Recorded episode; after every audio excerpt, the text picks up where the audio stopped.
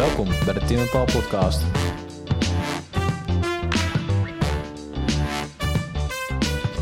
...4 en 5 mei zijn inmiddels ruimschoots voorbij.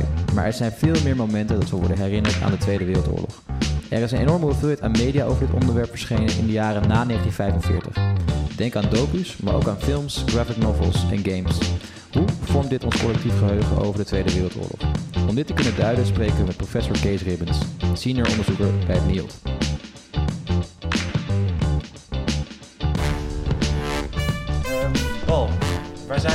We zijn vandaag de gast in het, eh, in het prachtige NIOD in Amsterdam.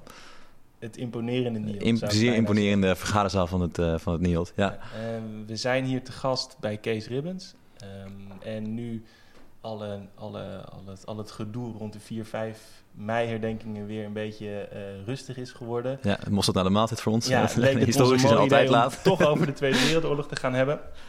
Ehm, ja, zoals gezegd zijn we te gast bij Kees Ribbens. Ehm, misschien is het goed als je even aangeeft, Kees, wat je doet bij het NIOD. Oké, eh, nou, mijn naam is Kees Ribbens. Ik eh, werk hier bij het NIOD als eh, senior onderzoeker. En ik hou me met name bezig met de manier waarop de oorlog herinnerd, herdacht en eh, vormgegeven eh, wordt. Eh, en dan in bijzonder in de populaire cultuur. Dus wat zien we terug van de Tweede Wereldoorlog in stripverhalen, in romans, in films, in games. Ja, eigenlijk in 101 eh, diverse media die van tijd tot tijd een eigen en ook vooral eigen tijdsinvulling aan alle uiteenlopende herinneringen aan die oorlog proberen te geven. Wat ik daarbij doe is dat ik met name kijk van hoe die oorlog wordt neergezet, in wat voor soort context, eh, hoe serieus wordt de oorlog genomen, eh, in hoeverre staat de oorlog al dan niet op afstand.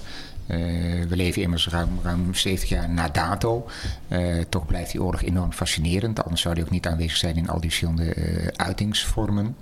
Ehm, en hoe verhoudt zich de toestand hier in Nederland tot die eh, in het buitenland, ons omringende landen. Eh, maar ook als je verder gaat kijken van eh, de oorlogsherinnering in bijvoorbeeld Oost-Azië. voor zover je dat als, als, als een enkelvoudig iets kunt beschouwen, is meestal toch heel iets anders dan wat we hier in West-Europa vandaag de dag aantreffen. Dus al dat soort zaken probeer ik enigszins zicht op te houden.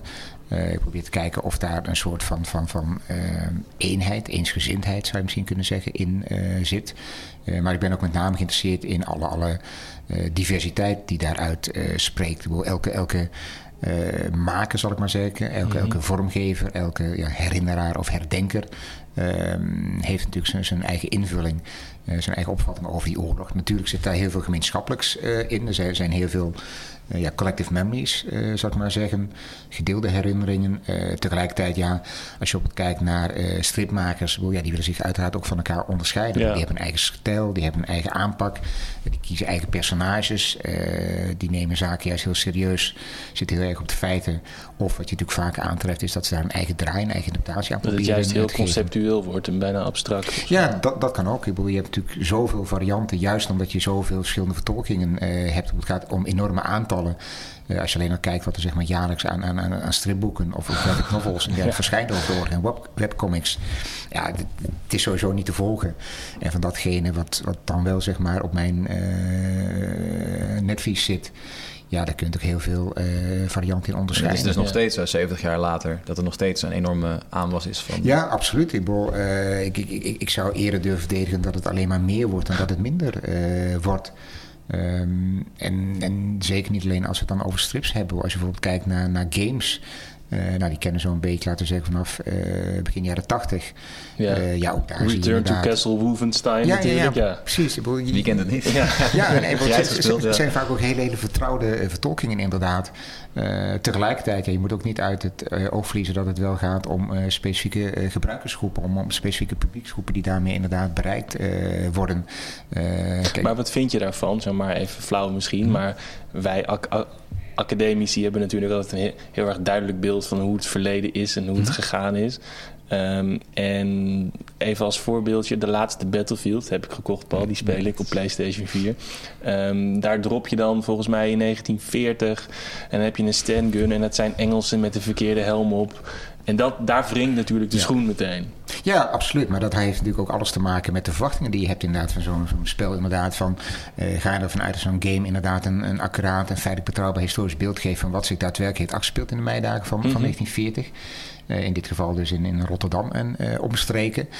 Of zie je toch vooral als iets van wat, wat jou zeg maar een aangename tijd moet bezorgen terwijl je aan, aan, aan, aan het shooten Ja. bent. Ehm, en ja, dat is niet altijd even duidelijk, omdat de verwachtingen daarover toch enigszins uiteen eh, lopen. Eh, makers of, of, of producenten van games eh hameren er ook een beetje op van ja, er zitten allerlei accurate en betrouwbare elementen in ons spel. Maar dat zit Ja. dan vaak meer in het niveau van zijn de juiste uniformen inderdaad Ja. gebruikt? Is het juiste wapentuig inderdaad uitgebeeld? Ja. Wie dan bijvoorbeeld inderdaad de personages zijn, ja, daar wordt dan weer een veel vrijere invulling aan gegeven. Ehm, en nou ja, ik, ik vind het wel heel interessant om dat proces inderdaad te zien. Eh, nogmaals, het zegt iets over de verwachtingen die wij hebben. Eh, maar het zijn dus niet alleen maar de verwachtingen van gamers zelf inderdaad. Het zijn ook inderdaad de verwachtingen van nou, bijvoorbeeld inderdaad eh, de media die, die die besprekingen schrijven inderdaad. Eh, van dit soort spellen. Ja. Maar je ziet ook in toenemende mate dat men zich in de kringen van, van, van musea, van herinneringscentrum eh, en ook in het onderwijs eh, zich afvraagt van nou, is dat een medium wat wij kunnen gebruiken? Zitten daar toch historische verbeeldingen in waarop we voort kunnen bouwen? Of zijn het wellicht beelden waarvan we zeggen van ja, wij zijn daar niet zo laaiend enthousiast over. Maar als we merken dat een, een, een aanzienlijk deel van onze leerlingen daar wel kennis van neemt en meent dat dat een min of meer realistische weergave is van ja, misschien is het dan toch taak voor het onderwijs eh, Ja, om daar iets eh, mee te iets mee te doen, ja. bij te sturen of het in een ruim perspectief te plaatsen of juist op te wijzen zeg maar dat heel veel van die populaire vertolkingen inderdaad eh, er een eigen draai aan, aan geven en dat dat op zich niet verkeerd is vanuit een, een, een, artistiek standpunt. Maar dat het iets anders is van dat je dat allemaal feitelijk één op één tot je zou moeten nemen als Ja. kennis over de Tweede Wereldoorlog. Ja, maar als ik het omdraai, ik speelde ook Medal of Honor en dat soort spelletjes. En dat was wel gewoon de landing in Normandië. En dan zat je, oké, Omaha Beach, jongens, dat was een, nogal heftig. En dan had je de tweede deel, dan was je een parachutist. Dus tegelijkertijd doet het wel iets met hoe wij eh, geschiedenis tot ons krijgen en beleven ook, denk ik. En dat is wel iets interessants. Ja, dat, dat, dat denk ik wel. Kijk, in zoverre is het misschien ook niet helemaal nieuw. Je zou kunnen zeggen dat heel veel eh, mensen die in eerdere jaren eh, romans hebben gelezen over de Tweede Wereldoorlog, die natuurlijk ook in veelvoud zijn en nog steeds in veelvoud worden uitgebracht, die kregen een soort gelijke eh, manier, ik zou gaan zeggen, voorgeschoteld om zich enigszins te kunnen verplaatsen in verschillende rollen, verschillende posities, verschillende ervaringen van mensen tijdens de Tweede Wereldoorlog. En dan vaak juist inderdaad bij dat soort brandpunten, al, al D-Day inderdaad, of Market Garden, of de, de Duitse inval in West-Europa in, in de meidagen van, van 40. Van, van, ook al is het feitelijk inderdaad niet accuraat. Eh, of, of die claim al of niet gelegd wordt. eh, het kan je wel helpen om je enigszins te kunnen verplaatsen in nou, de, de, de chaos eh, die oorlog natuurlijk is. de risico's en gevaren die je liep. Het besef van, van ja, dat er ook mensen zaten die, die echt in, in, in, in die vuurlinies zaten. Ehm, ik, ik, ik denk dat dat toch wel iets kan toevoegen. Er zijn natuurlijk allerlei verhalen die, die eh, de ronde doen over de oorlog. Er zijn heel veel verhalen die voor in familiekring worden overgedragen. Ja. Eh, maar een relatief klein aandeel daarvan heeft denk ik eh, betrekking inderdaad op ja, het militair inderdaad. Gewoon echt het vechten bedoel je? ja, precies. Kijk, de vele voorvaderen en, en nou, de, de opa's en oma's van, zal ik maar zeggen, of de overgrootouders, die hebben allemaal de oorlog meegemaakt. Maar een klein deel daarvan was echt daadwerkelijk inderdaad in militaire dienst en heeft dus die aspecten meegemaakt. Dus eh, dat mensen daardoor geïntrigeerd zijn, eh, is denk ik heel logisch. Eh, dat ze daar een, een, een, soort ja, nader zicht of beter begrip van willen krijgen door het lezen van romans of door het spelen van games. Eh, is, is bepaald niet vreemd, eh, lijkt mij.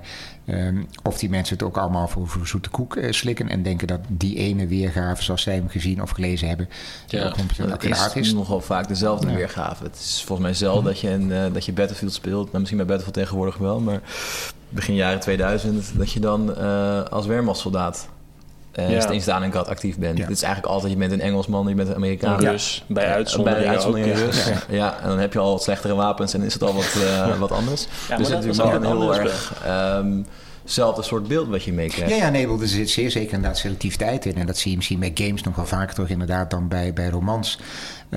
Bij games is het doorgaans zo dat je inderdaad met name de, de, de geallieerden en vooral de westelijke geallieerden kunt spelen. Dat is inderdaad jouw hoofdpersoon. In, in dienstschoenen sta je feitelijk. er zijn inderdaad wel games waarbij je ook de Duitse kant kunt kiezen. Uh, maar vooralsnog is dat een, een, minderheid inderdaad. Dus ja, die, die, die, die weergave van uh, de oorlog in dat soort spellen uh, is uiteindelijk wel een reflectie van wie nou zeg maar de overwinnaars zijn en, en, en verliezers, de, de good guys. en de bad Ja, guys. Ja, ja. absoluut. En ik geloof wel dat dat geleidelijk aan enigszins verandert. maar dan nog, voor zover je Duitsers kunt spelen, is het inderdaad ook maar de vraag van ja, zijn dat dan inderdaad Wehrmachtssoldaten of zit daar bijvoorbeeld ook de SS bij? Er zit En natuurlijk dan wel kom je inderdaad- weer altijd op dat eeuwenoude onderscheid, toch? Zo van Ja. een soort, soort van de schone weermacht en, en de in en in slechte waffen-SS. Ja, zeker. Nee, Ja. wat, dat betreft inderdaad, die, die mythe inderdaad van, van, van, van de, de zuivere weermacht. Ik denk dat je die in games nog regelmatig eh, terugvindt inderdaad. Misschien is het goed dat we daar even een zijstapje maken voor iedereen die niet zo in, het, in, in de. Tweede Wereldoorlog niet zit. Dat is toch ei- eigenlijk een beetje het idee dat, dat ehm, de, weer, of, ja, de Weermacht eigenlijk een soort van ja, redelijk normale legereenheid was. Die gewoon het, het, het frontwerk zijn de jongens met de dienstplicht. Precies. Ja. En de Waffen-SS was vrijwillig eh, en die hebben de, eh, De oorlogsmisdaden. alle oorlogsmisdaden gedaan. En, ja, en dat, dat is dus en daar heel, was een tentoonstelling over. Ja. toch? Ja. ehm, en, en, en, en dat zwart-wit beeld is inderdaad een beetje aangepast in, in een tentoonstelling. En dan kijk ik jou even aan wanneer dat was. Dat heb ik even niet scherp. Eh, die tentoonstelling is vanuit Hamburg geïnitieerd. En ik denk dat we het dan zo ongeveer hebben over het begin van de jaren eh 90. Ja. Ehm, en daarmee is dus inderdaad geprobeerd om dat geïdealiseerde beeld van de Wehrmacht onderuit eh, te halen. Eh, wat vaak ook in Duitsland op zeer veel weerstand eh, gestuurd heeft. Omdat ja, het, het, was toch een, fraaie en welkome redenering inderdaad van oké, een groot deel van de Duitse strijdkrachten zou daarmee ja, letterlijk niet bevlekt zijn inderdaad. Ja, dat, dat bleek dus bepaald niet het geval te zijn. Eh, tegelijkertijd, ja, dat, dat beeld inderdaad leeft nog eh, steeds voort. En niet alleen in Duitsland, maar ook elders. Want kijk, het, het gros van die games waar we het over hebben, eh, wordt geproduceerd inderdaad in de Verenigde Staten. En, en daar wordt dan nog steeds bij aangesloten. Maar het heeft denk ik ook te maken met het feit van, ja, we willen inderdaad ook vooral wegblijven van, van, van het kwaad eh, dat we vooral inderdaad aan de SS eh, verbinden. Ja, maar dan wordt het denk ik dat een, een, een nieuwe morele laag er eigenlijk, of een ethische laag die je erbij ja. hebt. Ga jij als op zondagmiddag eh, als SS-soldaat eh, een spelletje spelen? Ja. ja. En dat, dat is natuurlijk te object. En dat gaat gewoon niet gebeuren, denk ik. Nou ja, dat, dat, dat is denk ik de vraag. Ik bedoel, eh, kijk, als, als historicus moet je sowieso eh, heel voorzichtig zijn met het eh vooruitblikken. ik bedoel, onze, onze Dat primaire hebben we specialiteit vaker is gemerkt in deze podcast. achterom Ja. kijken. Maar oké, dat neemt niet weg dat van tijd tot tijd eh, doen we dat toch. En dan kunnen we het ook moedig laten, denk ik. Het is ook wel interessant om dat af en toe te, te proberen. Ehm, maar ik denk dat het lastig te voorspellen is van hoe zich dat precies gaat ontwikkelen. Tegelijkertijd eh, denk ik ook van, kijk, die oorlog is inmiddels bijna 75 jaar eh, oud. Ehm, heel veel afstand lijken we misschien nog niet te hebben ontwikkeld ten opzichte van eh, die oorlog. Althans, als je kijkt naar de manier waarop we de, de herdenkingen invullen. Daar, daarin zit de oorlog nog steeds heel erg dicht op onze huid. Ja. En, en volgens mij is dat ook een goede zaak. Tegelijkertijd van nou ja, de vanzelfsprekendheid waarmee die betrokkenheid nog altijd stand wordt gegeven, kan op een gegeven moment wel degelijk afnemen.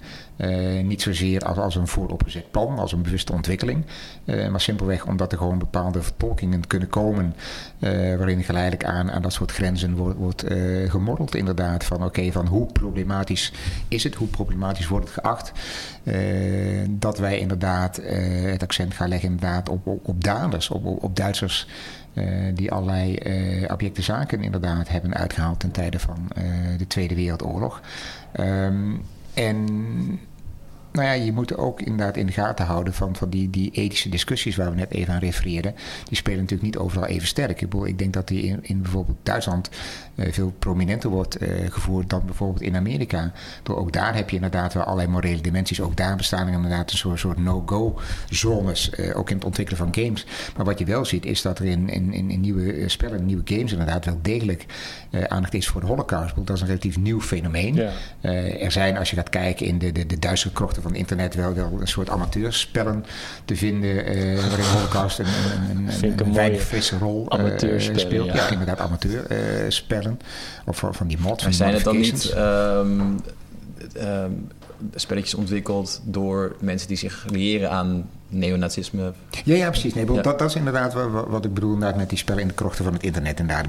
Dat, dat zijn eh, mensen waar, waar- waarvan je de politieke standpunten eh, nou ja, kunt en ik denk ook moet, moet verwerpen inderdaad. Ik bedoel, Dat, heeft een weinig frisse herkomst. Maar wat je daarnaast ziet inderdaad is dat er ook eh, games komen die, die het wel verdienen om serieus te worden genomen. Inderdaad, van, dat kan dus zijn van grote Amerikaanse software developers. Eh, maar dat zijn soms inderdaad ook meer mensen die het vanuit een, een artistieke invalshoek inderdaad eh, proberen te presenteren. Gewoon om te kijken van wat zijn nu precies de grenzen van de verbeelding. Hoe ver kun je daarin gaan? Wat wordt acceptabel geacht? Nou ja, en dan is het ook de vraag van, van wat toon je wel en wat, wat toon je niet. Van, van, het heeft te maken met een zekere mate van abstractie. Maar het is misschien ook van ja, de, de, de holocaust als zodanig kun je niet tonen, kun je misschien niet in beeld brengen. Eh, zeker in de context van een game is dat natuurlijk ook buitengewoon lastig. Maar je kunt natuurlijk wel afvragen, wat kun je wel laten zien? Ik bedoel, eh, mij lijkt het inderdaad niet, niet verstandig om ook maar te proberen om inderdaad ja, het daadwerkelijke moment in de gaskamers uit te beelden. Ja, of de kampervaring überhaupt misschien. of de kamp ja. Überhaupt. Dat wordt ook wel lastig, toch? Dat ja, het is lastig, zo niet onmogelijk. Maar ik bedoel, ik denk ook niet dat je de potentie moet hebben van dat je daar inderdaad een, een, een, een volwaardige indruk van kunt geven. Maar je kunt het natuurlijk wel proberen aan te stippen. Eh, wat bijvoorbeeld in een van die laatste Amerikaanse games gedaan is, is dat ze inderdaad een, een leeggehaalde eh gevangenenbarak eh, tonen. Hm. En dat als het ware in combinatie met, met, met de al aanwezige kennis, althans de kennis die verondersteld wordt aanwezig te zijn over wat daar gebeurde. Ja, want het is kan natuurlijk ook een bepaalde mate van dat kennis al. Je gaat een Tweede Wereldoorlog game spelen, dus dan weet je waarschijnlijk al. Ja, kijk, je, je- je bent nooit helemaal blanco. Eh, het punt is natuurlijk wel dat we niet exact weten van, van wat de aanwezige voorkennis is bij iemand die, die gaat eh, gamen. Eh, wat weet hij of zij inderdaad dan precies over de Tweede Wereldoorlog? Eh, wat weet die persoon in kwestie over, over de Holocaust? Eh, ja, de mate van gedetailleerdheid, da- daar weten we niet zoveel van. Er zijn de laatste jaren natuurlijk wel een toenemend aantal eh, eh, surveys van, van, van die publieksonderzoeken. Die proberen vast te stellen van nou, hoe is het precies gesteld met die historische kennis van, van, van eh, met name jongeren in West-Europa, maar ook in Noord-Amerika. En er worden dan vaak hele gedetailleerde vragen voorgeschoteld. En ja, dan, wat, je dan toch met enige regelmaat ziet, is dat er een hoop verontwaardiging bestaat van dit weten ze niet en dat weten ze niet. Ja. Ehm, maar dan denk ik van ja, de vraag is natuurlijk vooral wat, wat ze wel weten. En ik denk op, op hoofdlijnen dat ze wel een aardig eind komen van wat de holocaust ongeveer eh, betekent. Maar het problematische is onder meer dat ze bijvoorbeeld een term als holocaust zelf of SOA eh, niet altijd kunnen, kunnen duiden. Eh, maar ja, dat wil nog niet zeggen dat ze niet weten wat daar gebeurd is. Precies, op de Ja. hoogte zijn van wat daar verder onder eh, te scharen eh, valt. Dus dat, dat maakt het lastig om nou precies vast te stellen wat de mogelijke impact is van het spelen van games of van het lezen van romans. Of, of Ja, want als, als we dan nu, nu verder gaan naar bijvoorbeeld films hè, en, en weet ik veel, series, dat soort dingen. Eh, dus echt, echt, ja, hoe noem je dat nou? Gewoon filmbeelden, dat je iets kijkt echt. Ehm, het enige wat, wat ik ken, wat een beetje kritisch was, was die Duitse serie. Hoe heette die ook weer? Unsere Vater, unsere, iets met moeders ook. onze mythe, onze feiten. Ja. ja. Ehm, van hoeveel mensen waren het? Vijf jongeren die eh, aan het begin van de oorlog vrienden zijn Ja, en dan in volg ja in sorry dat is het allerbelangrijkste Ehm, en die volg je door de oorlog heen en daar kreeg ik wel eh, een soort van ja begrip bijna en ook over de eindeloze opofferingen, maar ook de uitzichtloosheid van die gasten aan het front. Ja. Want dan volg je een jongen die eerst nogal begeisterd is door de oorlog en later ja, als een soort van zelfmoordterrorist bijna aan het front door de, door de linies heen rent om er maar ook, ook ja, vanaf te Ja. zijn. Ehm, maar dat is ook wel iets betrekkelijks nieuws, toch? Dat dat Duitse perspectief zo nadrukkelijk in series zit. Of, Ja, ik, ik, ik denk het wel inderdaad. Ik, bedoel, eh, ik denk dat dat ook voor een belangrijk deel de, de positieve eh, ontvangst van de serie in Duitsland en, en trouwens ook wel elders in West-Europa eh, verklaart. Maar het is betrekkelijk nieuw inderdaad. Dat is natuurlijk heel lang het gevoel, zeker in Duitsland, van oké, dat verhaal moet je niet al te prominent brengen. Eh, juist vanuit de angst dat dat zeg maar eh, het, het daderschap zou, zou relativeren inderdaad. Eh, maar ja, inmiddels weet men ook in de Bondsrepubliek dat het natuurlijk veel gelater is inderdaad. Van het is en daderschap en tot op zekere hoogte ook, ook slachtofferschap. Eh, dat wil niet ze- zeggen dat je die zaken zomaar door elkaar moet gaan, gaan husselen. Ik geloof ook niet dat dat. en het de- moet ook de wel een beetje de evenredig maker. zijn, toch? Ja, je, moet in ieder geval kijken van, van eh, wat zijn de verschillende ervaringen, wat zijn de verschillende perspectieven. En eh, ja, meestal blijkt als je geschiedenis bestudeert, of je dat nou doet via een audiovisuele productie of via een academische monografie, dat het nou eenmaal gelaagder en, en complexer is. Uh, en dat geldt ook voor de Tweede Wereldoorlog, dat dat helemaal niet zo'n uh, makkelijk en vanzelfsprekend en overzichtelijk uitgangspunt is om eenduidige conclusies aan uh, te ja. verbinden. Um, maar op, op zich denk ik wel dat het de verdienste is van dat soort series, dat je daar iets meer begrip voor krijgt, inderdaad, van, van dat zaken dus minder zwart-wit zijn, dat zaken niet altijd even, even afgebakend zaten in, in, in specifieke hokjes, dat veel van die kwesties elkaar raakten tijdens de oorlog en dat je inderdaad, waar je net aan refereerde, ook dat tijdsverloop hebt. Uh, kijk, wij hebben het idee inderdaad van als wij ons met de oorlog bezighouden door middel van een stripverhaal of een game of een film, uh, dat het ja, de hele tijd ontzettend druk en actief en, en vol ontwikkeling en dynamiek uh, zit. Ja. ja, er is natuurlijk ook ontzettend veel verveling en, en, en, en troosteloosheid en, en maar afwachten in die, in die oorlog. dat is ook niet zo vreemd als je het hebt over een periode van, van vijf, soms zes jaar ja. inderdaad. Um, alleen ja, dat zijn we niet geneigd om centraal te stellen, omdat dat vaak gewoon niet past in, in, in de, in de nauwste vertolkingen inderdaad. Van, ja, je, wil, je wil toch de lezer, de speler, de kijker uh, meenemen en, en meevoeren. Uh, nou ja, dan moet je wel heel erg voorzichtig zijn uh, om daar zeg maar die, die, die langdradigheid ook een rol in ja. te geven. Want ja, voor je het weet, dan is jouw, jouw, jouw, jouw potentiële publiek afgehaakt omdat ze denken van wauw, dit wordt toch heel erg ja, langweilig om het dan even in goed Duits ja. te gieten. Ehm, dus ja, on, on, ons beeld van de oorlog is, is per definitie selectief. Ik bedoel, dat geldt natuurlijk voor, voor, voor elke vorm waarop wij inderdaad het verleden gestalte proberen te geven. maar dat is niet een heel sterk bewustzijn wat we hebben als we zeg maar, naar zo'n verbeelding uh, kijken. Maar ja, je, je, zou het er wel in moeten uh, verdisconteren. En het andere punt is uiteraard, ik een enorme open deur in. Het andere punt is natuurlijk inderdaad van, kijk, wij blikken terug vanuit uh, de kennis dat we weten hoe het is afgelopen inderdaad. Uh, de, de, de, hele horizon van, zal ik maar zeggen, dat je niet weet hoe ontwikkelingen verder gaan, wat daarin jou, je eigen rol en aandeel is, in hoeverre je überhaupt ja, agency hebt. Ja, dat, dat is toch lastig inderdaad om dat in, in, in die popular talking onder te brengen. Tegelijkertijd moet ik zeggen van juist games bieden de indruk inderdaad uh, alsof je zelf uh, achter, uh, ja, de stuurknuppel ja, van de zou zitten. Ja, alsof daar al energie geboden wordt. Kijk, natuurlijk is dat binnen bepaalde beperkingen inderdaad. Want je kunt uiteindelijk alleen maar dat doen wat de softwareontwikkelaars ook, ook in enige mate voorzien hebben. Uh, het is wat anders dan maar, als je, als je een, een docu kijkt of een, een film aanzet. Dan, dan precies, neem je het eigenlijk alleen totje. En als je gaat gamen ben je natuurlijk actief bezig om... Je bent, je bent veel meer deelnemen als het ware. Uh, nogmaals met alle mitsen en maren die erbij komen kijken. Dat is natuurlijk inherent aan het medium. maar jouw positie ja. is in beginsel een stuk actiever dan die van, van, van toeschouwer in, in de bioscoop. Ja. En, en ik denk dat dat op zich wel verschil kan, uh, kan uitmaken. Uh, maar ja, je moet je ook afvragen van, van wat je dan inderdaad met die, met die, met die positie kunt doen. Omdat, kijk, Want het is heel, heel statisch natuurlijk. Weet je, je hebt wel de indruk zo van, yo, ik ga nu uh, Berlijn bevrijden. Ja. Maar uiteindelijk kan je maar één weggetje lopen en je moet bepaalde ja. dingen op een bepaalde manier doen. Dus dat is meteen ook heel erg beperkend. Ja, het, het is beperkend denk ik in een aantal opzichten inderdaad. Van, van, uh, dat, dat pad is als het ware van tevoren uitgestippeld. Uh, het is ook beperkt in de zin van, van uh, jij speelt doorgaans één, één persoon inderdaad. nou ja, we weten allemaal dat de oorlog niet afhankelijk is van het optreden van één persoon inderdaad. Het gaat om enorme legermachten. Ja. Um, Oké, okay, het een wordt natuurlijk wel geacht gerepresenteerd, gerepresenteerd te worden in, in het ander. Maar het is complexer dan dat. Maar zelfs dat, als je gaat kijken van, van oorlog zoals wij die kennen in de 20e eeuw, is natuurlijk totale oorlog. Dus dat wil zeggen, niet alleen die leger speelde daar een belangrijke rol. Nee, het ging om de mobilisatie van complete samenlevingen. Ja. En dan kom je dus uit inderdaad bij het perspectief van, van burgers. En dat is natuurlijk nauwelijks aanwezig in, in, in, in de meeste games. Ja. Bedoel, er zijn een paar games inderdaad de laatste jaren die dat enigszins proberen te uh, belichten. gaat natuurlijk niet op uh, voor je lol dan vijf jaar burgerschap in de oorlog in Zuid-Nederland spelen. Nee, dat, dat, dat is precies het lastige inderdaad. Van, kijk, dat is natuurlijk wel de, de, laat ik zeggen, de dominante ervaring uh, van de toenmalige Nederlandse bevolking. De, dus 8, 9 miljoen mensen uh, in, in de periode mei 40, mei 45.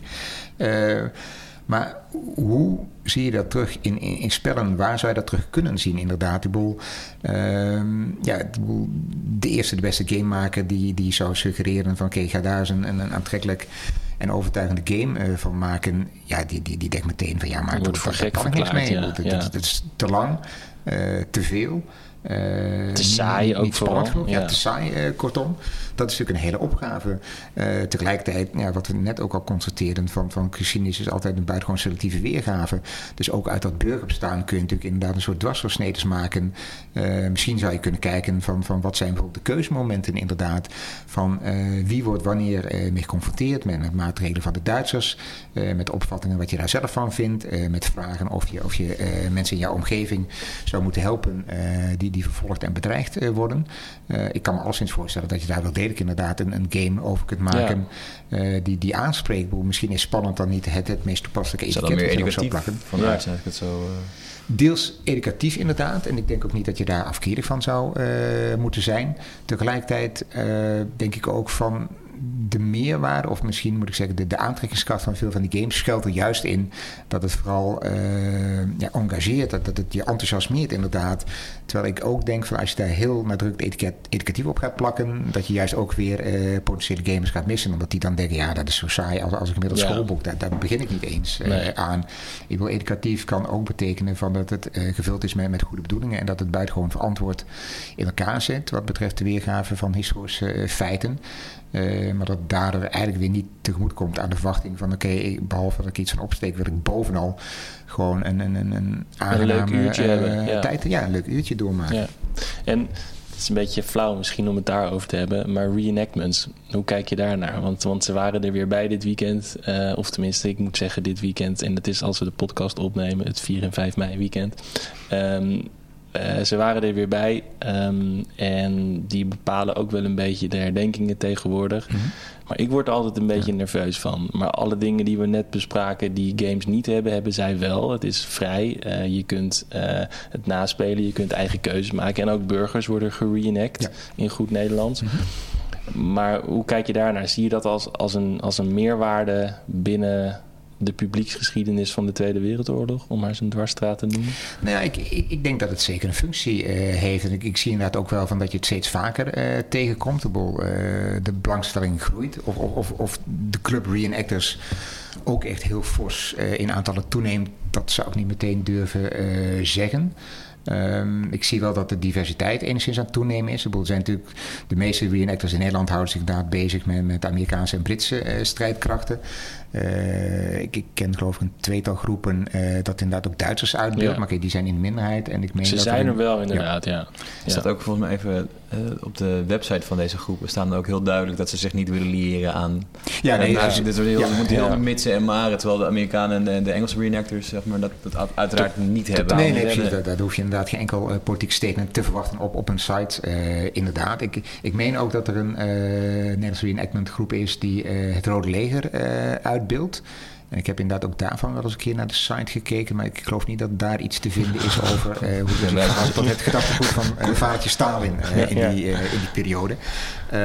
Dus ja, je ziet voor zover, voor zover er zo'n zo, zo politiek en moreel besef is, dan richt zich dat ook bij reenactors primair inderdaad op, op Duitse uitbeeldingen. Maar oké, okay, de vraag was inderdaad van, van hoe we aankijken, hoe ik althans aankijk tegen die, die ja. reenactors. Ik heb het idee dat dat toch wat tegemoet komt aan een zekere vraag dat mensen graag uh, zo, zo, zo nadrukkelijk mogelijk verbeeld zien, inderdaad. En die is ook zo levendig mogelijk hoe die oorlog eruit heeft uh, gezien. Um, en ik vermoed inderdaad dat, dat, dat, dat mensen die die reenactment uh, bijwonen, toch wel het idee hebben dat, dat ze iets, iets dichter op de geschiedenis zitten. en daar ook iets van leren misschien. En daar, ja. Of, en wat ze daarvan leren, dat, dat vind ik wederom lastig om, om, om te beantwoorden. Uh, het, geeft in ieder geval een, een, een kijk in de keuken, uh, zal ik maar zeggen. Uh, ik, ik, ik ben zelf altijd geneigd te denken dat degene die daar het, het meeste uh, genoegen aan beleven, de reenactors zelf ja. zijn. het, het, is natuurlijk ook een, een hobby, ja, passie moet je waarschijnlijk zeggen in dit geval. Ze doen het ook met veel enthousiasme. Ik geloof ook wel dat ze doorgaans ja, educatieve ambities hebben. Ja. Tegelijkertijd, ja, het heeft iets, iets vreemds inderdaad. Ik bedoel, het, het is een beetje alsof je een, een, een uh, combinatie hebt van, van the real thing in, in de context van een toneelstukje. uh, ja, precies. Dat is het inderdaad, ja. En ja, dat, dat gevoel bekruipt mij eerder als ik de, de beelden zie van de herdenking op de Waalsdorpervlakte. Waar je inderdaad van die mannen ziet uh, in, die, in die blauwe overhals van de Binnenlandse strijdkrachten. Uh, was er vorig jaar of twee jaar geleden net ook nog commotie over. Van of, of die, die heren eh, niet met een al te dikke buik daarin mochten eh, verschijnen. Eh, nou ja, dat, dat geeft denk ik ook wel iets van, van, van, van eh, die onwennigheid eh, weer waar we het nu over hebben. Ehm, ja, ik, ik, ik, ik- vind dat curieus, eh, maar ik denk dat we als historicus eh, meer de positie moeten betrekken van, van wat betekent dit nu inderdaad voor, voor de hedendaagse herdenkingscultuur.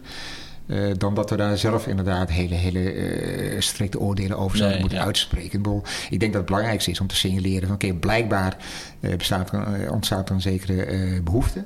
Ehm, je hoort daar doorgaans weinig kritiek over. Ja, het, het geluid wat je hebt vertolkt hoor ik natuurlijk ook wel eens, maar dan ja, eerder in, in, in de wandelgangen onder collega's. Ehm, maar in de, ja, laat ik zeggen, de buitenwereld kom ik dat vrij weinig tegen. Ja. Dus ik, ik geloof dat er niet zo heel, heel veel bezwaar tegen eh, bestaat. Ehm, maar ja, te- tegelijkertijd, eh, het, het, het is nog relatief klein. Ook, ook, ook al neemt het volgens mij wel aan belang toe hier in Nederland. Want Het is altijd vele malen kleiner dan eh, de omvang en impact die reenactment eh events in, in de VS of Ja, van- ook in Groot-Brittannië Van de burgeroorlog in Amerika bijvoorbeeld. Ja, precies. da- hele, daar zijn ja. ook veel meer periodes. En oké, ook in Nederland vind je wel reenactment groeperingen die zich met, met vroegere geschiedenis bezighouden. Ehm, Ja, er is er ook eentje over Waterloo volgens mij. Dat is wel echt kicken. Maar ook gewoon met Dat en zo. wel. ja, ja, ja. Dat is dan wel weer gaaf. Maar het is misschien wel even... eh, Ja. Maar het, Ja. het curieuze is natuurlijk inderdaad van, van, van alles wat zich zeg maar voor eh, 1918 heeft afgespeeld. Daarvan vinden we het eigenlijk heel vanzelfsprekend dat daar ook reenactors eh, eh, actief zijn. Maar zodra het gaat om de Tweede Wereldoorlog, dan, dan ja, wringt dat soms een beetje. Maar is dat het nog levende Ja, geschiedenis misschien is dat Want gewoon- wij zijn, ja. Tim en ik, zij zijn van, denk ik van de laatste generatie waarbij eh, de opa's en oma's nog eh, eh, de nou, een oorlog actieve rol geweest misschien zijn, hebben ja. gespeeld in de oorlog, tijdens de oorlogsjaren. ja, Maar na ons, bijna ja, dan, dan, dan wordt het natuurlijk steeds minder. En ook Ja. als je kijkt nu naar de herdenkingen, dan komen er veteranen van echt ne- 95 en rond die leeftijd. Dus, dus dat is wel een beetje een uit, uitstervend, ja, uitstervend Fenomeen. ja, Ja. fenomeen zou je het kunnen noemen. Ehm, ik denk wel dat dat met die reenactors natuurlijk ook gewoon anders wordt als die mensen er niet meer zijn. En dat ze dus wel, ehm, dat dan een reenactor het vuur aansteekt bij de herdenkingen, bij wijze van spreken. Nou ja, ja en nee ben ik geneigd te antwoorden. Omdat ik inderdaad denk van, eh, kijk, als de laatste ooggetuigen er niet meer zijn... ehm, en inderdaad, ze sterven een rap tempo uit, maar het gaat echt nog wel een aantal jaar duren eh, voordat we in die, die, die nieuwe fase eh, Mhm. belanden. Maar als ze eenmaal zijn uitgestorven, van misschien dat we dan inderdaad eh, het, het, het gewoner vinden dat die reenactors hun plaats innemen. Tegelijkertijd ben ik er niet 100% van overtuigd, omdat ik ook denk van ja, maar de Tweede Wereldoorlog wijkt echt intrinsiek af van de manier waarop we andere oorlogen herinneren en, en herdenken. Eh, de Tweede Wereldoorlog zal denk ik ook als alle ooggetuigen uitgestorven zijn niet meteen gewoon een historisch fenomeen worden. Het heeft nog steeds inderdaad die, die, die morele en, maatschappelijke eh, betekenis. Het is ook een eikpunt waar we heel veel van onder, onder onze eh, ja, politieke waarden op, op baseren of in ieder geval aan, aan refereren. Ehm, en ja, heel, heel cru gezegd, zolang er geen, geen conflict uitbreekt met een kaliber van, van, van een derde wereldoorlog, kan dat nog wel eens een hele lange tijd in stand eh, gehouden blijven. Of in stand blijven. Ehm, en misschien dat daardoor dat reenacten toch die, die, die, die andere eh, betekenis, andere connotatie blijft houden eh, dan reenactment van, van, van andere, van eerdere eh, Ja. oorlogen uit het verleden. Maar wat, wat dat betreft is het gewoon heel erg ingewikkeld om te concluderen eh anno 2019 van hoe die ontwikkeling zich gaat voltrekken. Van kijk, natuurlijk eh, die, die, die levende herinnering, ik bedoel, de levende dragers van, van herinnering, ik bedoel, die sterven uit. Eh, dat maakt dat je kunt verwachten dat er iets gaat veranderen. Maar wat er nou precies gaat veranderen, ja, dat, Dat is koffiedik kijken voor ja, historici eigenlijk wel ja. inderdaad. Van, van, van heel veel partijen, heel veel musea, heel veel herdenkingscomité's eh, proberen zich daarop voor te bereiden inderdaad. Eh, een aantal jaren geleden werd ook de leuze eh, gelanceerd van de oorlog gaat met pensioen. Eh, ja, dat, dat, dat gaat hij misschien ook. Puur als je getalsmatig turft. Van oké, dat was destijds 65 jaar na de bevrijding. We zijn inmiddels bijna 10 jaar verder. Ehm, maar is de oorlog daardoor minder aanwezig geworden? Is de, is de oorlog daardoor minder betekenisvol geworden? Nee, geen zins. En ik eh, vind het buitengewoon lastig voorstelbaar om eh, ervan uit te gaan dat over pakweg tien jaar de oorlog als het ware van het ene moment op het ander eh, veel minder zou betekenen. Of dat, dat, dat er daar plotsklaps heel anders mee omgaan. Ik denk dat het misschien eerder van belang is om ons te realiseren dat de manieren waarop wij met oorlog gaan eigenlijk al tijdenlang heel, heel divers zijn geworden. En dat er verschillende manieren zijn waarop we die oorlog naast elkaar blijven herinneren. Van, er is inderdaad een, een, een, een, een, een, een formele herdenking zoals we die op 4 mei uh, 8 uur s avonds kennen. Hier op de Dam in Amsterdam, ook overal elders in het, in het land.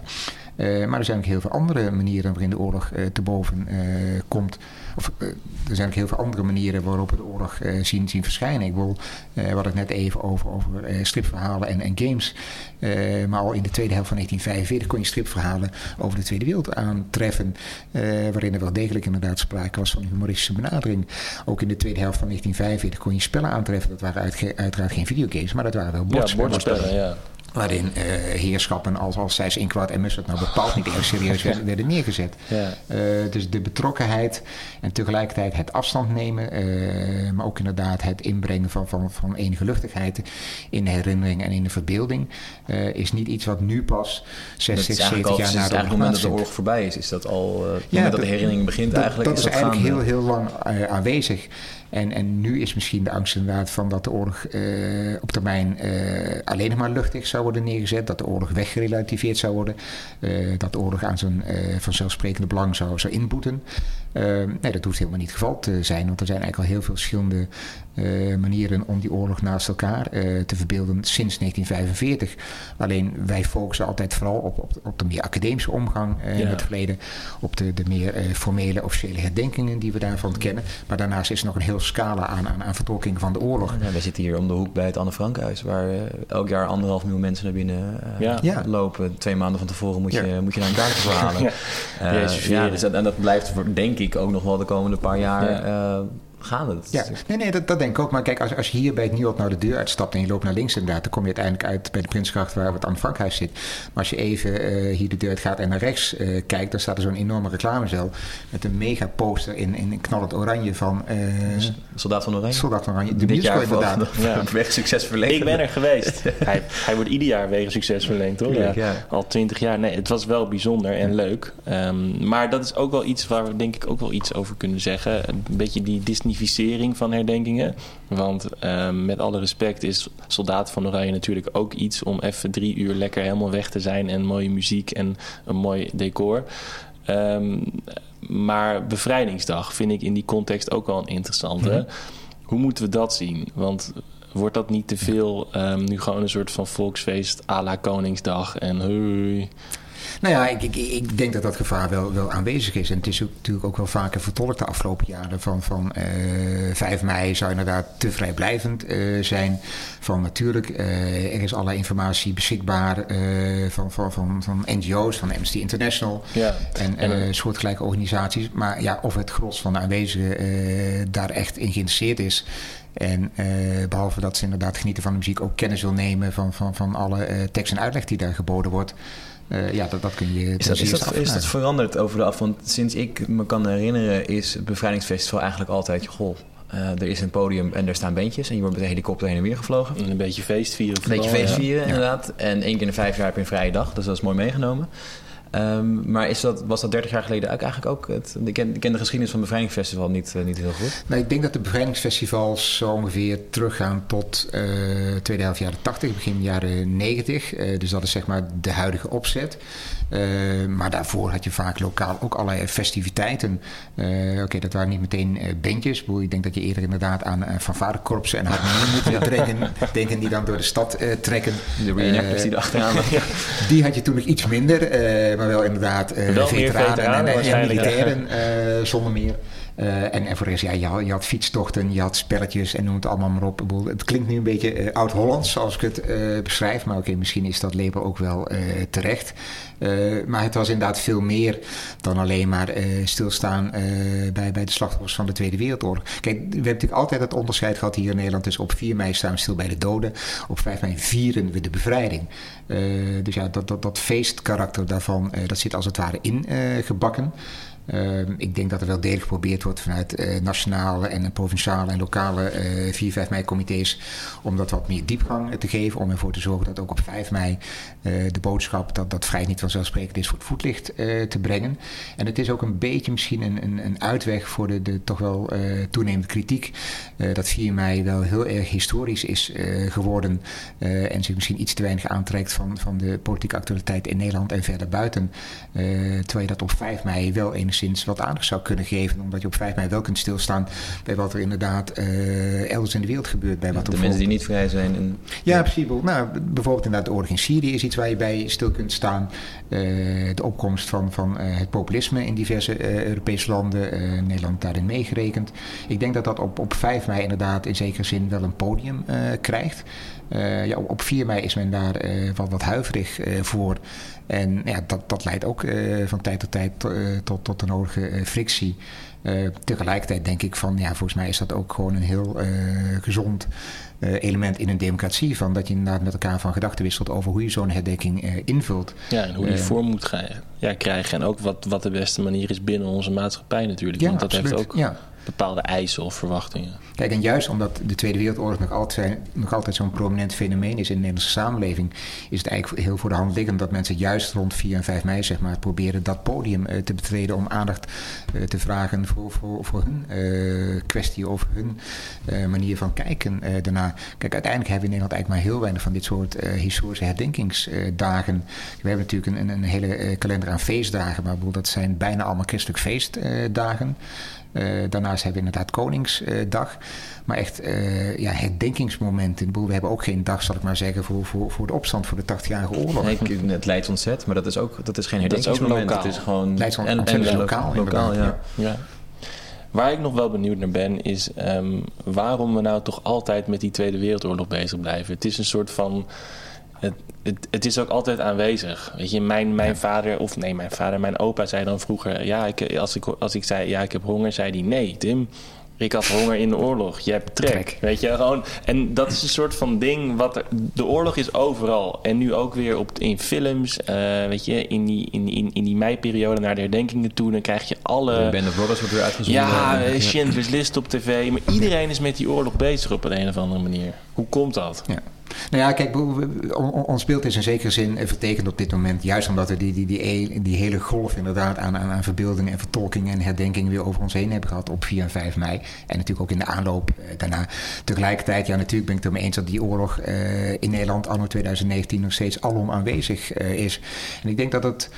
Uh, een combinatie is van, van factoren. Van, van, kijk, die oorlog is natuurlijk al decennia lang aanwezig uh, in, in, in de samenleving, ook, ook in het straatbeeld. Denk inderdaad aan, aan allerlei uh, oorlogsmusea, denk aan allerlei oorlogsmonumenten, denk aan allerlei straatnamen die, die vernoemd zijn naar verzetshelden of naar holocaust-slachtoffers. het feit dat het zo aanwezig is, versterkt als het ware dat die aandacht daar steeds opnieuw naar wordt uh, getrokken. En die aandacht wordt als het ware ook weer, weer, weer gevoed uh, door het uh, publiceren van, van, van, van, nieuwe verhalen, nieuwe historische onderzoeken. journalisten die, die in, in de meidagen toch graag weer een iets wat originele invalshoek proberen. Een nieuwe special over ja, dat, dat, dat speelt een rol. Dat ja, blijft maar gaan. Ja. ja. En tegelijkertijd van, we zijn ons er allemaal bewust, of misschien onbewust... Uh, van dat, dat die oorlog inderdaad een, een, een belangrijke uh, boodschap uh, vertolkt van dit nooit meer. de herinnering aan de oorlog betekent eigenlijk dat wij on, on, onze rechten, onze democratie, onze rechtsstaat serieus moeten nemen en, en, en moeten beschermen en, en daarvoor moeten werken. de oorlog maakt als het ware duidelijk dat dat dus niet altijd vanzelfsprekend is. Maar tegelijkertijd is het ook zo dat het beeld van de oorlog spreekt ontzettend aan, juist omdat het een heel erg scherp beeld is. Het zet heel veel dingen als het ware op scherp. Uh, zaken waren niet, uh, uh, met, met, leken althans niet met heel veel mitsen en maar ombonden te zijn. Maar het wordt vaak opgevat als een kwestie van leven of dood. Dat is toch een, een, een, heel andere interpretatie dan de manier waar, waarop wij ons eigen leven van dag tot dag invulling geven. wij worden niet voortdurend inderdaad met dat soort vragen, met dat soort kwesties, met dat soort keuzes geconfronteerd. Natuurlijk, onze keuzes kunnen wel een, een dusdanig impact hebben, maar er is hier geen, geen, geen boze bezetter, zal ik maar zeggen, die ons daar voortdurend toe, toe dwingt. Ik denk dat het toch inderdaad die, die, die contrastwerking is en daarmee ook het verschil tussen, tussen de orde van toen en, en, en de vrijheid van nu, die buitengewoon intrigeert. Uh, ja, en dat alles uh, komt natuurlijk samen in, in, in tal van, van uh, vertolkingen ja, die ook nu nog mensen aanspreken. Dus ja, het, het, het, het is die combinatie van factoren, denk ik, die daarin een rol speelt. Um, en die, die ja, er mij ook toe brengt inderdaad om te concluderen dat ik het helemaal niet snel zie veranderen. kijk, natuurlijk de manier waarop we die oorlog interpreteren, die, die, die kan en zal ongetwijfeld ook wel, wel veranderen. Ehm, maar de aanwezigheid van die oorlog als zodanig. Ehm, ja, ik, ik, ik, ik, zie nauwelijks aanleiding uh, waarom dat uh, zeker op korte termijn uh, minder, ja, minder intensief zou, zou worden. Het is, het is gewoon een dusdanige grootheid in, in, in, in onze samenleving en ook in ons, ons wereldbeeld. Ehm, het is heel moeilijk voorstelbaar inderdaad van, van dat dat gauw gaat veranderen. Ehm, maar, maar zie je dan niet dat bijvoorbeeld, ik, ja, ik noem eens een dwarsstraat, dat bijvoorbeeld de, oorlog in Syrië in dat beeld gaat, gaat komen of dat dat zich, zich tot iets gaat jaar, verhouden? Of is dat twee jaar geleden inmiddels al dat er een soort oproep kwam van goh, we misschien moeten we ruimer gaan herdenken dan alleen. Nou, eigenlijk zie je die oproep inderdaad vaker teruggekeerd. Twee jaar geleden had je inderdaad de, de slogan van 4 mei niet voor mij. Vanuit het idee van ja, hoe kunnen wij ons inderdaad met de Tweede Wereldoorlog bezighouden terwijl er elders in de wereld ook een vreselijk conflict uh, gaande is. Uh, dat was niet de eerste en bepaald niet de laatste keer dat, dat uh, die zienswijze vertolkt uh, werd. En ik denk ook wel dat er iets voor valt te zeggen. Alleen ja, het, het is een hele gevoelige discussie. Kijk, formeel is het zo dat we hier in Nederland, als je uitgaat inderdaad van, van, van de aanwijzingen van de Rijksoverheid, dat wij op 4 mei inderdaad de slachtoffers uit de Tweede Wereldoorlog herdenken. En alle Nederlanders die slachtoffers zijn geworden bij andere conflicten, waarbij er bijvoorbeeld sprake is van, van Nederlandse vredesmissies. Dus de inzet van het, het, Nederlandse leger. Die keuze is al in 1961 uh, gemaakt. Maar het algemene gevoel is toch inderdaad van... ja, eigenlijk herdenken wij op 4 mei gewoon de Tweede Wereldoorlog. Punt. Ja, en wat je dan precies denkt. Ja, ja en, en mensen zijn heel erg bang. Althans, mensen die, die, die, die bezwaren aantekenen tegen de opvatting van dat bijvoorbeeld ook meer eh, aandacht voor de actualiteit eh, zouden moeten opbrengen op dat moment. Mensen zijn gewoon bang inderdaad van dat daarmee de herinnering aan de Tweede Wereldoorlog eh, verwatert. Dat die gerelativeerd wordt. Dat, dat die aandacht minder, minder groot en eigenlijk ook minder, min, minder goed zou zijn. Ik, ik, ik, ik vraag me dat toch wel af of dat inderdaad zo, zo is. Van, kijk, natuurlijk is het uh, goed dat een, een, een, herdenking inderdaad een, een, een duidelijke focus uh, heeft. Tegelijkertijd, ja, een herdenking kan natuurlijk alleen maar voortbestaan als er uh, voldoende draagvlak is. kijk, en nu is het inderdaad toch zo dat in overgrote mate we de oorlog herdenken op 4 mei en we op 5 mei wel een, stuk verder durven te gaan. Uh, verder in de tijd en verder ook in geografisch opzicht. We kijken ook buiten het Nederlandse landsgrenzen. Uh, um, of dat op 4 mei ook gaat veranderen. Um, ja, het, zou me niet verbazen, uh, maar zover zijn we nog lang niet. Er, er bestaat bepaald geen, geen, geen unanimiteit over het feit dat we dat inderdaad zo verder zouden moeten oprekken. Ik, ik, ik denk dat een organisatie als het Nationaal Comité 4, 5 mei dat zo, zo goed en nauwgezet mogelijk probeert te volgen. Ehm, tegelijkertijd, ja, men wil toch niet op de troepen vooruit uh, lopen. Ik denk dat ze natuurlijk heel erg in de gaten houden van dat zij niet aanstichter van verdere commotie zullen zijn. Juist omdat dat inderdaad de draagvlak zou kunnen aantasten. Uh, tegelijkertijd, van ja, ze leggen er toch altijd sterk de nadruk op dat uh, de herinnering aan, aan de oorlog inderdaad aan nieuwe generaties moet worden overgedragen. Uh, kijk, als nieuwe generaties ja, op een gegeven moment... moet je daar wel iets mee doen natuurlijk, ja. Ja, dat denk ik wel. Tenminste, als nieuwe generaties op een gegeven moment in meerderheid vinden... dat je dan ook aan de actualiteit aandacht moet besteden op dat moment... Uh, dan kun je misschien niet heel veel anders dan daar toch in meegaan. Tegelijkertijd moet ik erbij zeggen... Van als je gaat kijken naar de jaarlijkse peilingen... Uh, die het Nationaal Comité organiseert Daar is er uh, vorige week ook weer een van verschenen. Daarin blijkt als je mensen vraagt van wat is jouw eerste associatie met oorlog, uh, nog altijd inderdaad in overgrote meerderheid de Tweede Wereldoorlog is. Ik meen dat er iets Weinig van... mensen denken nou over de Gulden Sporenslag. Ja, en, en, ook maar iets van, van, van 10% denkt dan inderdaad aan de oorlog in Syrië op dit uh, moment. En ik merk ook inderdaad, als ik het aan mijn studenten vraag in, in Rotterdam, van, van in hoeverre zij de oorlog in Syrië als hun oorlog beschouwen op enige wijze dan is eigenlijk bijna niemand inderdaad uh, die dat op die manier uh, doet. Ik had, vorig jaar één iemand uh, in het college, een student die ook als vrijwilligster werkte bij, bij een AZC en daar ook in aanraking kwam met Syriërs. maar ook zij had niet het idee dat, dat de oorlog in Syrië daarmee op, op ja, de een of de andere manier toch ook haar oorlog of haar conflict Ik denk dat het nog wel, nog wel niet alleen Syrië, maar ook de, de, conflicten waar Nederlandse militairen naartoe zijn, mm. onder, onder NAVO-mandaat of uit, ja. in, in, Mali of in, in, um, in Joegoslavië destijds. In hoeverre is dat behalve dan voor die selecte groep mensen die daar geweest ja. is en daar familiebetrekkingen. Uh, maar is, is het ook niet gewoon heel flauw en, en platgeslagen de afstand? Mm -hmm. Is het ook niet gewoon dat die Tweede Wereldoorlog hier, hier was is? Hier. En dat je dus gewoon hier ziet van, nou, hier bij wijze van spreken op de gracht hebben ook panzerwagens ja. rondgereden. En in die bekende foto's toch dat, dat, dat, dat, dat, de, ja, dat de Duitsers daar rondrijden. Dat, dat is toch de, is dat niet gewoon het allerbelangrijkste? Dat het gewoon echt de plaats is? Nou, ik, denk, ik denk dat die plaats inderdaad wel een belangrijke uh, factor uh, vormt. Tegelijkertijd, ja, die plaats moet je als het ware ook weer uh, steeds levend verleden zien te maken, inderdaad. Ik kijk, plaatsen spreken niet voor zich. Plaatsen spreken alleen als je daar enige kennis voor hebt. Dus of je moet ze markeren, inderdaad, of je moet het op een andere manier inderdaad van die social context voorzien. tegelijkertijd, als je je tot plaats beperkt. Uh, heb je ook weer een probleem. Want dan zou je moeten zeggen van ja, kijk, het feit dat de aandacht voor uh, de Japanse bezetting van Nederlands-Indië in Nederland betrekkelijk gering is, ja, daar kunnen we nooit iets aan veranderen, want dat heeft niet hier plaatsgevonden. Ja. Terwijl het is natuurlijk wel onderdeel van datgene wat we beschouwen als de Nederlandse uh, geschiedenis. en ja, die lijn kun je doortrekken door inderdaad te signaleren dat de oorlog was niet zomaar een oorlog. Nee, het was een wereldoorlog. Het was een globaal, dus een wereldwijd historisch fenomeen. Ehm, in hoeverre is het dan inderdaad verstandig dat wij de herdenking en de herinnering vooral zouden beperken tot datgene wat zich binnen de landsgrens heeft afgespeeld? Um, ik vind het op zich dat niet vreemd dat daar het accent ja. ligt. Uh, maar ik denk dat je altijd moeite moet blijven doen om duidelijk te maken dat die oorlog een veel breder fenomeen is geweest dan dat. Uh, nou, kijk naar de holocaust. Van, van, kijk, de Joodse gemeenschap is hier vervolgd inderdaad. Is naar Wester toe, Westerbork toegebracht. En van daaruit inderdaad naar het oosten gezonden. Maar het zou natuurlijk idioot zijn als ze zeggen van... datgene wat zich in Sobibor en Auschwitz en Elzit afspeelt... rekenen wij niet tot onderdeel van de Nederlandse geschiedenis. Dat gaan we niet herdenken. Nee, daar, daar, moet je gewoon echt heel voorzichtig mee zijn. Kijk, natuurlijk heeft plaats inderdaad een, een, een belangrijke uh, kracht. Het, het is herkenbaar, het kan althans herkenbaar worden gemaakt.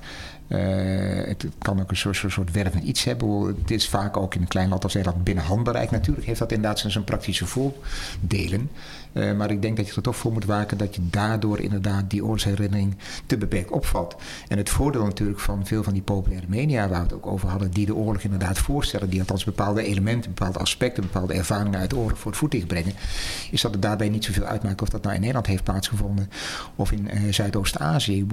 Als, als je een goede vertolking daarvan kunt uh, brengen, uh, dan is het voor de, voor de kijker, voor de lezer, voor de gamer niet meteen inderdaad een beperking dat die zich niet in eigen land afspeelt. Even daarop, daarop in te haken en terug te komen bij waar we mee begonnen zijn. Um, naast het luisteren van deze podcast is het natuurlijk handig om iets te weten te komen over de, over de oorlog. Maar jij als expert, je zou één stripboek moeten kiezen. één film, één documentaire serie of één miniserie bijvoorbeeld. Kan jij ons een lijstje geven wat, uh, om goed beslaagd in ijs te komen? Dat is eigenlijk nog best een lastige vraag. Omdat uh, als ik uh, strips of, of, of, andere populaire media aanbeveel... dan doe ik dat meestal meer als een soort toevoeging... Op al aanwezige kennis van de Tweede Wereldoorlog. Als je echt inderdaad bij, bij nul zou moeten beginnen... of min of meer bij nul... want uiteindelijk heeft iedereen wel enige kennis over de Tweede Wereldoorlog... Um, dan, dan wordt het een stuk lastiger, omdat ik altijd als historicus eh, toch geneigd bent om boeken niet specifiek inderdaad af te rekenen op wat ze nou aan kennis eh, opbouwen. Ik kijk meer inderdaad van wat ze toevoegen of waar, waarin ze juist variëren op al bestaande beelden. Maar oké, laat ik toch een, een manmoedige poging doen om die vraag eh, te beantwoorden. Um, ik denk uiteindelijk inderdaad van... van nou, laten we beginnen met een stripboek. Inderdaad, uh, een boek wat ik een tijdje geleden met, met, met veel enthousiasme heb gelezen... is inderdaad uh, de, de, de stripvertolking, graphic novel moet ik tegenwoordig zeggen... van het dagboek van Anne Frank. Uh, is gemaakt door twee Israëlische kunstenaars... Ariel Volman en David Polonsky. Uh, ze hebben dat gedaan in opdracht van het Anne Frank Fonds in, in Basel. Dat is de club die zeg maar, de rechten beheert van het dagboek. En ze hebben dat op een buitengewoon levendige manier gedaan. Um, maar dat komt dus deels omdat de auteurs zich een zekere vrijheid uh, hebben, hebben toegeëigend inderdaad in de manier waarop ze het beeld interpreteren. Bijvoorbeeld associaties uh, die ze maken, ook de visuele associaties inderdaad. Uh, ze verweven het bijvoorbeeld inderdaad met, met een schilderij van, van, van Klimt. Ja, dat is echt heel erg mooi gedaan. dit, dit is feitelijk een soort, soort knipoog naar, naar andere kennis die lezers vaak al zullen hmm. hebben. dat, dat, dat maakt het denk ik wel tot, tot een belangrijke bijdrage. En heb je nog een suggestie voor een film? Ja, voor een film. Um, nou, een, film die, die, die, die vorig jaar veel indruk op me heeft uh, gemaakt was uh, Son of Soul. Oh, ja. Dus inderdaad uh, spelend in, in, in de vernietigingskampen in, in Oost-Europa. van zeer nabij gefilmd. Uh, met eigenlijk opvallend weinig context. Dus eigenlijk ook een filmmaker, een Hongaarse filmmaker die ervan uitgaat dat de meeste kijkers wel weten uh, nou, wel, welke rol de, de, de de, de, film waar mensen flauw vallen, de mensen in het publiek flauw vallen en weglopen uit de zaal. Omdat het echt ja, zeer, dit, zeer, dit is echt een heftige ja. film inderdaad. Uh, dit, dit gaat echt inderdaad over, nou ja, de, de, de, eindfase, de, vernietiging inderdaad. Uh, wat er gebeurt met, met, met de lijken uh, nadat ze vermoord en vergast zijn. Ehm, ja, het, het, zit heel erg bovenop de, de, de, de hoofdpersoon. Um, en het, het, is wel beklemmend inderdaad. Um, daarmee zou je ook kunnen zeggen: van, ja, het draagt misschien meer een gevoel over dan dat het je kennis aanreikt. Uh, maar ik denk dat dat, dat idee van, van beklemming, uh, dat ook dat iets toevoegt aan, aan, aan wat wij laat ik zeggen, kunnen kennen van, van de oorlog inderdaad. Van, kijk, natuurlijk is het van belang dat je historische context uh, kent. Natuurlijk is het van belang zeg maar, dat je je uh, basale feitkennis op, op peil hebt en dat je dat eens paraat hebt als je zo'n film ziet. Tegelijkertijd, van, ja, het gaat natuurlijk ook inderdaad over de vraag hoe mensen dat ervaren hebben, hoe mensen dat beleefd hebben. Ja. Uh, ik denk niet dat, dat, dat films of enig ander medium dat inderdaad uh, eh, 100% kunnen, kunnen overdragen. Dat kun je niet één op één koppelen. Wij, wij kunnen immers na afloop inderdaad de bioscoop uitlopen. dat was destijds natuurlijk geen optie. Dat, dat is gewoon een essentieel verschil. Desalniettemin denk ik wel inderdaad van dat dat soort verbeeldingen dusdanig in dat verleden kunnen trekken. Van dat je, je, je begrip daarvoor uh, toch, toch enigszins toeneemt. Uh, dat is misschien niet heel concreet. Dat kun je inderdaad niet testen door mensen te aflopen inderdaad een, een vragenlijstje over een aantal uh, jaartallen, jaartallen of wat dan ook te, ja. te laten invullen. Maar ik denk wel dat dat helpt om daar toch ietsje dichterbij uh, te komen. En ik, ik, denk eigenlijk in algemene zin dat dat vaker de waarde is van, van, van allerlei vertolkingen, populaire vertolkingen, dan dat het echt gaat om de kennis van, van nou ja, hoeveel mensen er op welk moment in de kampen zaten. Uh, en andere uh, relevante zaken. Kijk, die, die strips zijn er ook. ik, ik, ik had ook zeg maar kunnen verwijzen naar, naar bepaalde documentaires die natuurlijk veel meer gericht zijn op overdragen van historische kennis dan inderdaad op het, op het overbrengen van, van gevoelens. Uh, en ik denk ook zeker dat, dat voor beide inderdaad een rol bestaat. Dat, dat ze doorgaans ook goed naast elkaar kunnen uh, bestaan. Maar als, als ik echt moet nadenken over voorbeelden die, die, die, die mij aanspreken, die, die, die echt iets teweeg brengen. Ja, dan kom ik niet automatisch op de eerste plaats terecht inderdaad bij, bij de meest feitelijke vertolkingen. Die bij de Tweede Wereldoorlog in kleur op Netflix, ja. Ja, op, natuurlijk, ik, ik, ik, kijk er ook wel eens naar. En ja, het, het, het voegt wel iets toe, denk ik. Dat, dat, dat hele uh, kleuren gebeuren. Ja, het, het, heeft wel iets. Dit is misschien ook iets wat, wat je tegenwoordig steeds vaker ziet. Uh, in de zin van niet zozeer die documentaires. Je zag het natuurlijk laatst wel bij de Eerste Wereldoorlog documentaire... die ook helemaal ingekleurd was. Mm het, het, zijn beelden die in beginsel vertrouwd zijn. Je kent misschien niet alle afzonderlijke eh, beelden, niet eh, alle footage die daarin uh, zat. Maar het, het, het, viel wel in de, in het zou ik maar zeggen. En juist op het moment dat, dat, dat, je min of meer bekende beelden in kleur ziet, uh, het, het maakt wel verschil. En dat, dat frappeert me toch.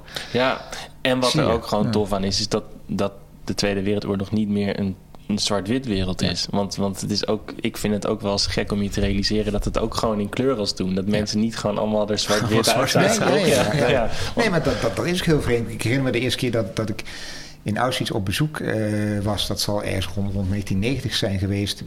Uh, ik ging daar naartoe. Het, het, was hoogzomer, uh, het was zonnig weer en de vogeltjes floten. Ik, ik, ik vond het buitengewoon vreemd. Ja. Dat is eigenlijk het laatste wat ik verwacht had van, van Auschwitz. En natuurlijk weet je dat wel. Ja, grimmig, beton. Ja, ja. het, is grijs en grauw en, en, en, en, en ja, wat dat betreft wijken uh, beeld en verwachting to, toch nogal uh, af van elkaar. En uiteindelijk kan dat goed samen gaan.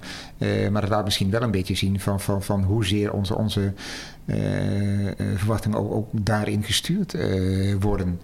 En ehm, ja, ik, ik, ik, ik, ik, blijf dat een curieus iets vinden. Ik, ik, ik vond, ik, ik sla nou een beetje een zijpad in, uh, ik weet niet of dat kan, maar ik, ik, ik zag laatst een aantal portretten van uh, Nederlandse vliegeniers die dus bij de luchtmacht vochten in de meidagen van 1940. Uh, allemaal jonge mannen, allemaal gesneuveld als ik me goed herinner. Het waren allemaal zwart-wit foto's en die waren ingekleurd. Ik, ik, ik, ik was echt gegrepen door die foto's. Het was echt net alsof ik uh, ja, jongens zag die bij mij in de collegebank uh, zaten, inderdaad, van die ik hier op straat zou kunnen tegenkomen. Ik herken dat wel, hoor. ik herken dat wel. Dat soort jongens waren het ook. Ja. ja. Dat hebben wij soms ook wel in, in het museum. Heb je dan in de collectie ook allemaal van die, van die portretfotootjes van, van lui die daar gesneuveld zijn. En dan als daar soms ook gewoon een blik of zo, dan kan je zo gegrepen worden door zo'n foto. Ik heb, dat, ik heb daar soms ook wel echt een beetje last van. Dat je denkt, ja, shit, weet je wel. Dit zijn gewoon allemaal mensen. En dat is ook wel even een zijpad, maar nog misschien wel even leuk om te bespreken. Ik deed laatst een interview met iemand, uh, met een vrouw wier vader de broer was van iemand die bij Arnhem gesneuveld was. Mhm. Dus ik weet, ja, dus, dus, het was een, dus haar oom was bij Arnhem gesneuveld. En zij had zo'n hele goede quote dat ze ook zei van ja, um, ze zeggen altijd dat mensen sneuvelen voor onze vrijheid. Maar dat is ook zo'n zo'n verkeerde weergave. Want die oom van haar, weet je, dat zei ze van ja, die had nog een leven voor zich. Die had een, en, en, de kans om te leven is die jongen ontnomen. Die had briefjes dat hij met een vrouw wilde trouwen vlak voor de slag om Arnhem. En dan, als we dat dan neerzetten, zo van die is gesneuveld voor onze vrijheid. Dat is zo'n soort van verknipte weergave of zo. Dat vind ik er ook wel echt vreemd aan dat we zo bezig zijn om, om, om die offers in een soort van narratief neer te zetten voor ons of zo. Ja, maar dat, dat, dat doen we dus voortdurend inderdaad. Van, kijk, op zich is dat een verwijt wat, wat, vaak gebruikt wordt inderdaad bij allerlei populaire vertolkingen inderdaad. Van ja, maar nou wordt de oorlog eerst voor gebruikt voor, voor commerciële doeleinden, voor artistieke eh, oogmerken of wat dan ook. Maar ja, alle oorlogservaringen worden eigenlijk van meet af aan inderdaad in bepaalde kaders ondergebracht. Uh, het, het, is toch primair inderdaad iemand die, die, die, die, die, die, die doodgaat in, in, strijd of die, die vermoord wordt in een, in een vernietigingskamp, uh, ja, sterft als individu. Maar we zijn uh, vaak toch geneigd om dat al snel op, op, op een hoger collectief plan te tillen. Inderdaad. Ja. ja, het moet eerst in een plaatje passen. we moeten het als het ware zinvol maken. En op zich is dat een hele begrijpelijke ontwikkeling. maar het is niet de enige en zeker ook niet de meest relevante manier om die, die, die die, gebeurtenis, die, die, dat, dat, dat sterfgeval, die, die, die, die dood of die moord inderdaad te interpreteren. Ik bedoel, daar, daar zijn meerdere uh, manieren uh, voor. Um, en oké, okay, misschien dat dat 75 jaar na dato op, op, abstractere niveaus plaatsvindt dan destijds. Maar het is bepaald niet nieuw inderdaad. Ook, ook toen kwam het inderdaad uh, voor. En ja, het is natuurlijk prachtig inderdaad dat er op al die, die kerkhoven staat van voor, voor, voor God en vaderland. Ja. Voor, uh, nou, met alle, alle Franse en Engelse en Duitsstalige equivalenten daarvan. Uh, maar weerspiegelt dat echt, zal ik maar zeggen, uh, de laatste gedachten van de mensen die daar liggen? Uh, ja, dat, dat kun je afvragen. Ik steef te denken, heb jij nog een laatste vraag? Of... Nee, ik ook niet. Dan danken we jou hartelijk voor je tijd en je wijsheid. En um, ja, bedankt.